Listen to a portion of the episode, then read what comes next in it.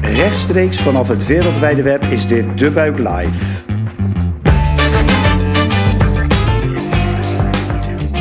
Goed dat je luistert naar De Buik Live, de podcast van De Buik over trends in de wereld van food, drinks en hospitality.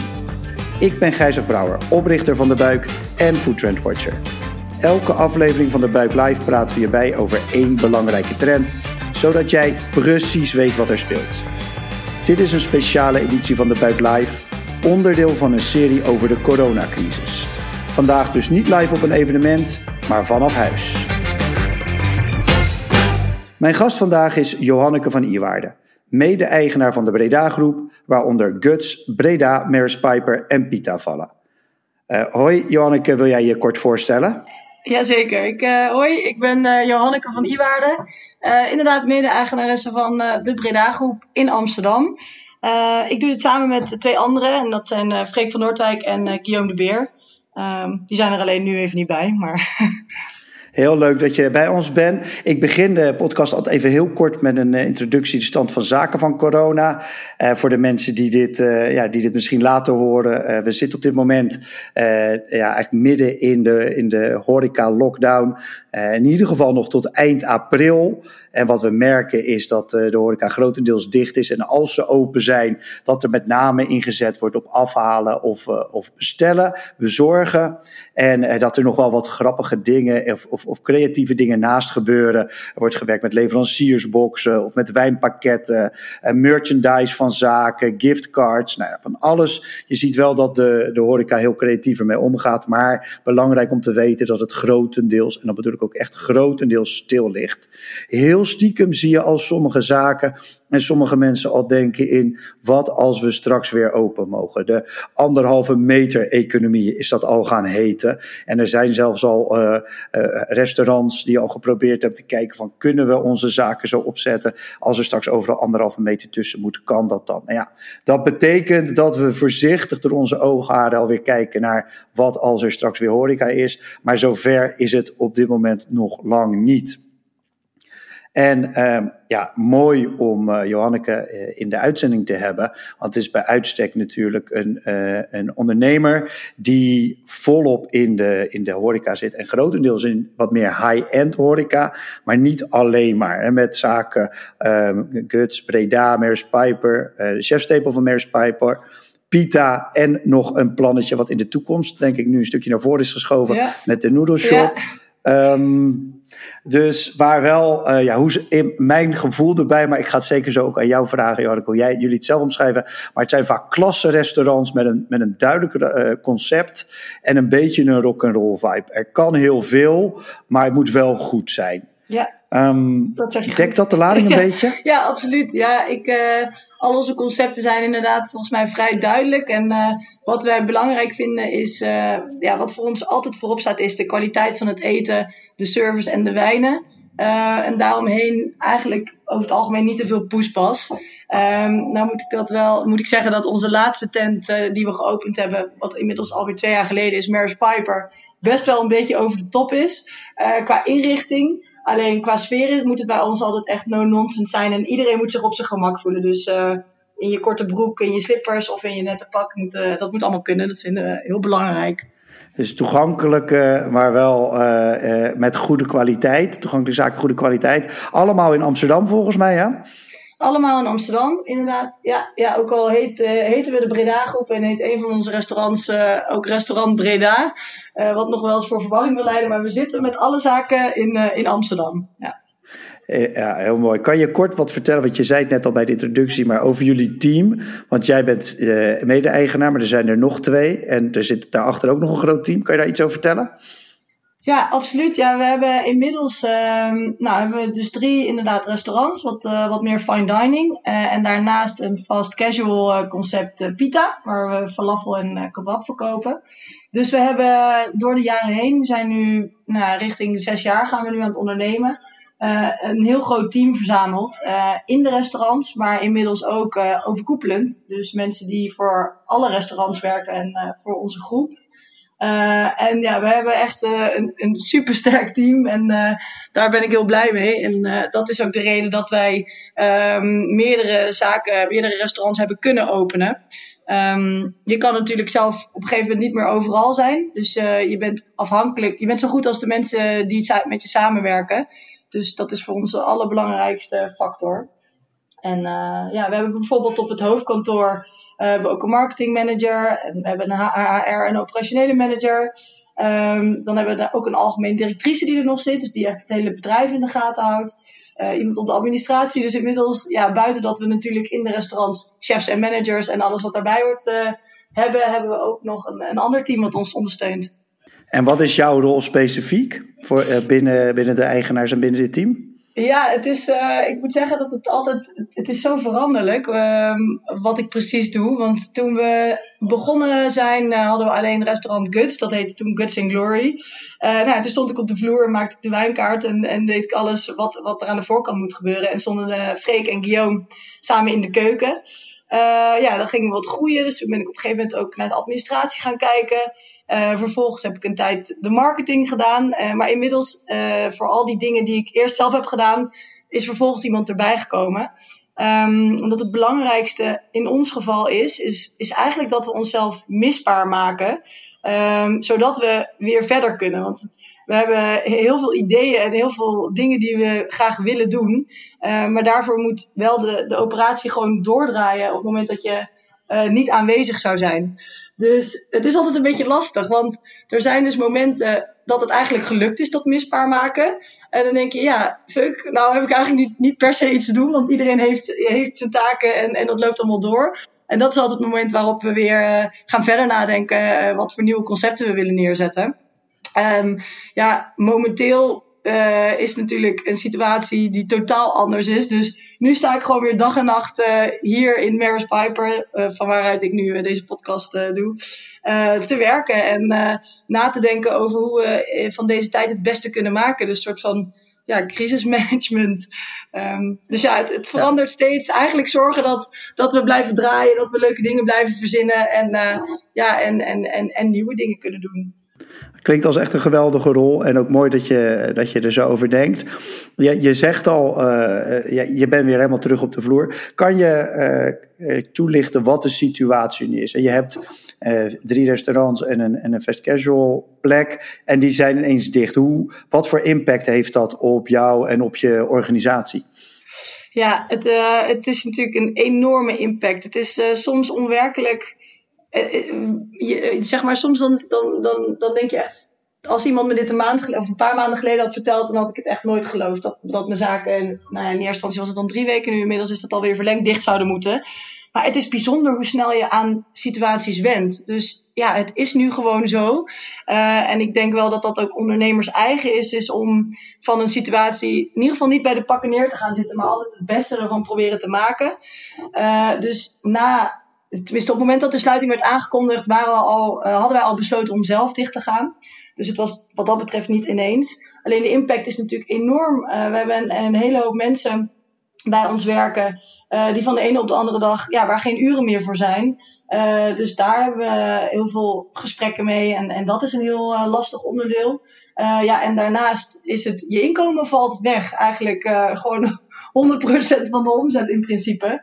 Um, nou zijn er wel wat, uh, wat uh, vanuit de overheid natuurlijk uh, pakketten om ons nu te helpen. Alleen ja, alsnog gaat er gewoon per maand heel veel geld vloeit eruit. en er komt in principe niks binnen. Dus ja, dan ga je rekenen. en dus, dus dat is, ja, die impact is enorm. Je bent eigenlijk aan het kijken hoe lang kunnen we dit volhouden voordat de deuren dicht moeten. dus dat is ja. natuurlijk een hele bizarre situatie als je een goed lopend gezond bedrijf hebt, dat je toch over dat soort dingen ineens moet nadenken. Hey, en uh, ik hoor eigenlijk twee dingen. Enerzijds je mensen en anderzijds natuurlijk uh, je business, om maar zo te zeggen. Hoe, hoe, ga je, hoe gaan jullie met je mensen om? Heb je daar heb je WhatsApp groepjes opgezet? Of zit je elke dag de hele dag met mensen te zoomen? Of hoe, hoe, hoe hou je je mensen betrokken en hou je, hou je eigenlijk dat contact? Nou, wij hebben, wij hebben sowieso werken wij via payroll. Uh, wat het uh, in het begin ook lastig heeft gemaakt, omdat mensen dan juridisch gezien niet bij ons in dienst zijn, maar bij het payrollbedrijf. Waardoor helemaal in de beginfase beslissingen zijn gemaakt door dat payrollbedrijf, uh, ja, waar wij eigenlijk geen invloed op hadden. Zonder al te veel in de diepte te treden heb je dan verschillende soorten contracten, fase A, B en C. en eigenlijk is vanuit hun de beslissing genomen om mensen met een fase A-contract, dat is als je nog geen anderhalf jaar bij ons werkt, direct de opdracht te stoppen. Waardoor al deze mensen bij ons de WW in zijn gegaan. wat natuurlijk ook voor hun een hele grote impact heeft. dus we hebben heel veel gesprekken gehad met iedereen en, en ook uitgelegd ja, wat de situatie is. En, en, en ook dat we ook begrijpen dat het heel vervelend is, maar gewoon het gesprek aan te gaan. Um, en wat we hebben gedaan meteen om, om het contact te behouden, is dat we het food program zijn gestart. Dus we, elke dag maken we een maaltijd voor iedereen die bij ons werkt. En die kunnen ze komen ophalen. Um, en dan, nou ja, en dus om ook een klein beetje het leed te verzachten voor in ieder geval die mensen die in het fase A-contract zaten omdat die ook in één keer een deel van hun inkomen missen. Dus toch fijn als je dan s'avonds misschien af en toe niet boodschappen hoeft te doen, maar wat kan gaan halen. En ook met het idee om, uh, om het contact te houden en, uh, en mensen te zien een aantal keer per week. dus dat is iets wat we hebben gedaan. Ja, en inmiddels zijn we ook begonnen. Daar gaan we het denk ik straks ook nog over hebben. Maar met afhalen en bezorgen. En, en dus daar hebben we nu ook, zijn ook veel mensen wel weer aan de slag. en dat is echt best wel fijn om toch met het team samen de schouders eronder te zetten en, en echt het beste te, te maken van een best wel nare situatie. Um, en ik moet zeggen dat dat toch ook op heel veel momenten eigenlijk best heel leuk is. En dat samenwerken, uh, ondanks dat het eigenlijk een nare situatie is, dat we daar veel plezier aan hebben. En uh, dat er ook hele leuke momenten zijn, juist daardoor. Ja, mooi, daar gaan we het inderdaad zeker nog over hebben. Nog even uh, afrondend over dit onderdeel. Je zei net al, je bent gewoon eigenlijk keihard aan het rekenen. Mm het gaat er met bakken, tussen aanhalingstekens zeg ik dat, maar met bakken uit. En er komt relatief weinig binnen. Ja. Um, hoe, hoe voelt dat? Of hoe neem je dan beslissingen? Kan je daar iets over zeggen? Of hoe doen jullie dat met elkaar? Um, nou, het, het lastige is momenteel beslissingen maken, omdat de hele tijd uh, geen zekerheid is. Um, werd bijvoorbeeld nu gezegd van nou, uh, weet je, het gaat nog één maand duren, 100% zeker daarna is het voorbij. Ja, dan kun je daarop in ieder geval een planning maken. Uh, en ja, dat, die zekerheid is er niet. En, en als we alweer open mogen, hoe dan inderdaad? Wat je al zei, die anderhalf meter economie. Uh, ja, gaan mensen uit eten. Dus dat is heel moeilijk. Dus wat wij eigenlijk, waar wij naar gekeken hebben natuurlijk meteen, is hoe lang trekken we dit zonder inkomsten? Um, Dat is een rekensom die, uh, ja, die je direct gaat maken. Uh, en daarnaast ja, proberen we wel te denken, na te denken met de informatie die we hebben, uh, welke stappen het beste zullen zijn. Maar dat, dat blijft heel moeilijk, omdat er, er zijn eigenlijk geen feiten. Het is alleen maar gokken. En ja, we zijn niet gewend, liever maken we geen, doen we geen aannames en maken we beslissingen op basis, daarvan. Uh, maar het is, het is nu even niet anders. Maar vooral, ja, het enige wat je kan doen is gewoon, en, zelfs dat is nog niet eens uh, eh, 100% sluitend, maar is rekenen hoe lang je het volhoudt. En daar, uh, daar dan maar uh, ja, mee gaan werken. Um, maar goed, ook daarmee is het, die compensatie vanuit de overheid is ook allemaal nog maar te bezien hoe dat uitpakt. zeker ook omdat wij met payroll werken, is, is, het daar ook nog een, is dat ook nog lastig, omdat onze, onze, onze omzet gaat wel naar nul. maar die van de payroll wellicht niet. Uh, dus ja, hoe gaat die compensatie dan? En dat, daar zijn ook nog veel onduidelijkheden over. Dit is een, uh, uh, mooi om daar misschien zo nog even over te hebben. Um, je zei net, je kon het net al stiekem een beetje aan, want we zijn wel begonnen met afhaalloket. En ja. met, kan je vertellen van, wat zijn nou nog de dingen die, waardoor jullie wel zichtbaar zijn? En, en jullie misschien nog een deel van je gasten kan bedienen. Welke dingen doen jullie? Nou, we zijn, de eerste week hebben we van de sluiting hebben we niks gedaan. dat had eigenlijk mee te maken omdat er toen elke dag zoveel veranderde. Uh, en we ook zelf nog heel erg merkten dat ook niemand gewend was aan hoe je, hoe je te gedragen. Dus die anderhalve meter, uh, je handen wassen. Uh, waardoor, we ook, waardoor we het ook een beetje gevaarlijk vonden. we hebben namelijk de eerste twee dagen, we hadden heel veel eten over. wel alles verwerkt en weggewerkt. En toen stonden we met heel veel mannen hier te werken. Eigenlijk een beetje op de oude manier. En toen werden er ook wat mensen die ja, kregen verkoudheid. En dachten, ja, dit is te gevaarlijk. Dus we doen even pas op de plaats totdat we gewoon meer weten. Um, en ook even om het allemaal een plekje te geven. Nou, zijn we vanaf vorige week uh, wel begonnen met uh, Maris Piper Takeaway. Um, dus wat we hebben gedaan is de kaart van Maris Piper bekeken en dan gekeken welke gerechten kunnen we uh, ook voor takeaway geschikt maken. Want dat is natuurlijk niet alles. Ehm, dus we hebben nu een mooie selectie van wat voorgerechten van onze kaart en hoofdgerechten. En die hoofdgerechten die geven we dan koud mee. Zodat je eerst je voorgerecht kan, wel helemaal klaar, alles is af. Uh, zodat je eerst je voorgerecht kan eten en dan vervolgens uh, je hoofdgerecht alleen nog even op te warmen. Maar dat dat niet staat te verpieteren terwijl je je, je voorgerecht eet. Um, nou, en dan en een dessertje. Dus je kan uh, op die manier Maris Piper in huis halen. dus dat is waar we als eerste mee begonnen zijn. En, maar goed, dat is. Maris Piper is natuurlijk hè, wat in het luxere segment waar we het over hadden. Dus dat doen mensen toch voornamelijk in het weekend. Uh, als je, wat je normaal ook misschien wat extra ging uitpakken. Dus om ook verder nog de buurt te bedienen, zijn we, ja, gaan, hebben we ook allerlei andere concepten bedacht die eigenlijk wat laagdrempeliger zijn. Uh, zodat we ook een groter publiek aanspreken, maar ook uh, ja, wat meer budget voor als je gewoon lekker op maandag ja, niet te veel geld uit wil geven, maar toch wat wil halen. Um, ja, zo zijn we eergisteren begonnen met Maris Piper frituur. we, we serveren bij Maris Piper al frietjes. Dat doen we, uh, die bakken we in ossewit. Uh, en nu hebben we dan ook uh, nou ja, frietjes stoofvlees. we hebben lekker holtkamp kroketten, garnalen kroketten. Dus we hebben echt buiten twee tafels neergezet. En ja, we zijn nu ook een frietent. en, ja, lekker. Ja, op die manier proberen we ook onszelf lekker bezig te houden en, en, en plezier te maken. Um, ja, en daarnaast gaan we vandaag beginnen met uh, de Noedelshop. Dat is het concept uh, waar je al een beetje aan hinten waar we mee bezig waren. En dat, zouden, zou, ja, dat gaat in mei, als het goed is, beginnen in de foodhallen. Um, maar ja, dat is natuurlijk ook allemaal even afwachten. Maar we hadden wel zoiets van, ja, het concept ligt er al, we weten wat we willen. Uh, dus we gaan gewoon van start. Dus we, we hebben nu een stand gebouwd buiten Maris Piper. Uh, we hebben ergens afgehaald. Die hebben we gisteren gebijt zwart, uh, met, met zwarte bijt. En uh, we hebben zelfs een rookmachine erin geïnstalleerd. Omdat het idee is. ja, er zit een heel concept omheen. Maar ja, we zijn in ieder geval hier een soort van takeaway straat van aan het maken. en met Pita gaan we ook van start vanuit hier. Dus ja, in die zin zijn we, zijn we lekker bezig. En we moeten allemaal maar zien of het gaat lopen. Maar ja, het houdt ons in ieder geval, uh, op, het houdt ons in ieder geval bezig en met positieve dingen. En ik denk dat dat heel belangrijk is voor ons nu, maar ook uh, voor het team.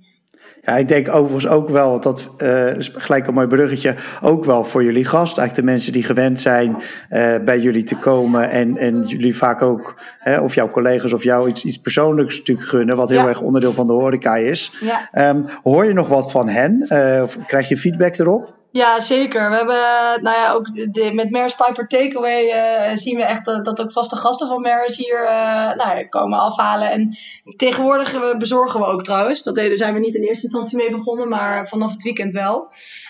En dan, nu we zijn, aan het bezorgen zijn, zien we dat er nog meer gasten zich aanmelden. want ja, niet iedereen woont natuurlijk bij ons in de buurt. Maar en uh, ook ja, bij Breda en Guts, in principe vanuit daar doen we niks. Maar we krijgen wel mailtjes of we dat doen. Uh, nou, die kunnen we dan ook hiernaar doorverwijzen. Dus dat is hartstikke fijn. Uh, er zijn ook mensen die. We hebben dat niet per se zo gepromoot. Maar toevallig gisteren had, zag ik ook iemand inderdaad die had een cadeaubon gekocht. Nou, dat soort dingen zijn natuurlijk ontzettend aardig. Dat mensen ons op die manier proberen te steunen en een hart onder de riem te steken. Um, ja, en, en toch wel veel bekende gezichten ook. En, en mensen, iedereen wil wel helpen. En dat het is een, een, rare tijd, maar op een of andere manier brengt het ook wel wat goeds. Mensen zijn echt uh, heel erg betrokken en met elkaar bezig en iedereen wil een steentje bijdragen. Dus dat, uh, ja, het, in die zin geeft het wel heel veel positieve uh, energie deze periode. Ja, dat is mooi om te horen. Dat was ook een van mijn vragen, maar die, die beantwoord je al mooi, dus dat is fijn uh, daaraan gelieerd en misschien iets minder uh, positief uh, als het gaat. de Nederlandse overheid natuurlijk gelijk behoorlijk is erbij gesprongen. de gemeente doet alle dingen. Vanuit de, de Koninklijke Horeca gebeurt van alles. Nou, ja. Er zijn allemaal partijen om jullie heen die zich hier ook tegenaan bemoeien, zeg maar. Ja. Heb jij, jij, jij, jij hebt meerdere zaken, je staat midden tussenin. Heb jij nou nog een bepaald beeld of een bepaalde oproep waar je zegt van nou, het zou wel heel fijn zijn als dit ook zou gebeuren? Of misschien nog wel iets, iets ja. pregnanter gezegd dit zou nog moeten. Ja, absoluut. Ja, nou ik, naast dat ik deze zaak heb, zit ik ook in het bestuur van Koninklijke Horeca Nederland uh, Amsterdam. Dus ik krijg het ook uh, in die zin van dichtbij mee hoe, hoe erg zij zich nu kunnen, ja, wij eigenlijk ons kunnen inzetten voor de branche. Dat is ontzettend fijn en er wordt vanuit hun echt heel goed gelobbyd momenteel, vind ik, voor, voor de horeca. Um, bijvoorbeeld, nou ja, er zijn dingen die, die zouden kunnen verbeteren. Is natuurlijk met die NOW-regeling. Uh, daarin wordt heel erg vanuit de overheid gecommuniceerd dat, dat als je geen omzet hebt, je voor 90% van je loonkosten wordt gecompenseerd. en dat is uiteindelijk, als je gaat rekenen, is dat, is dat gewoon niet waar. dan kom je uit op, op minimaal dat je minimaal nog zelf 25% zal moeten gaan bijdragen.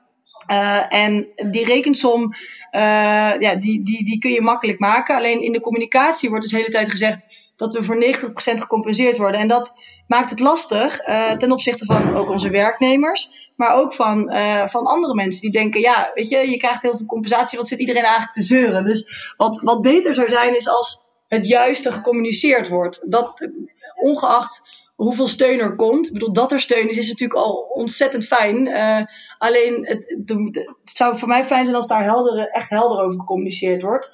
Uh, want ik kan me ook voorstellen dat mensen die bij ons werken dan ook de vraag hebben van... Goh, hè, wat ik al aangaf met die fase A-contracten, die, gaan, uh, die hebben een uitkering moeten aanvragen.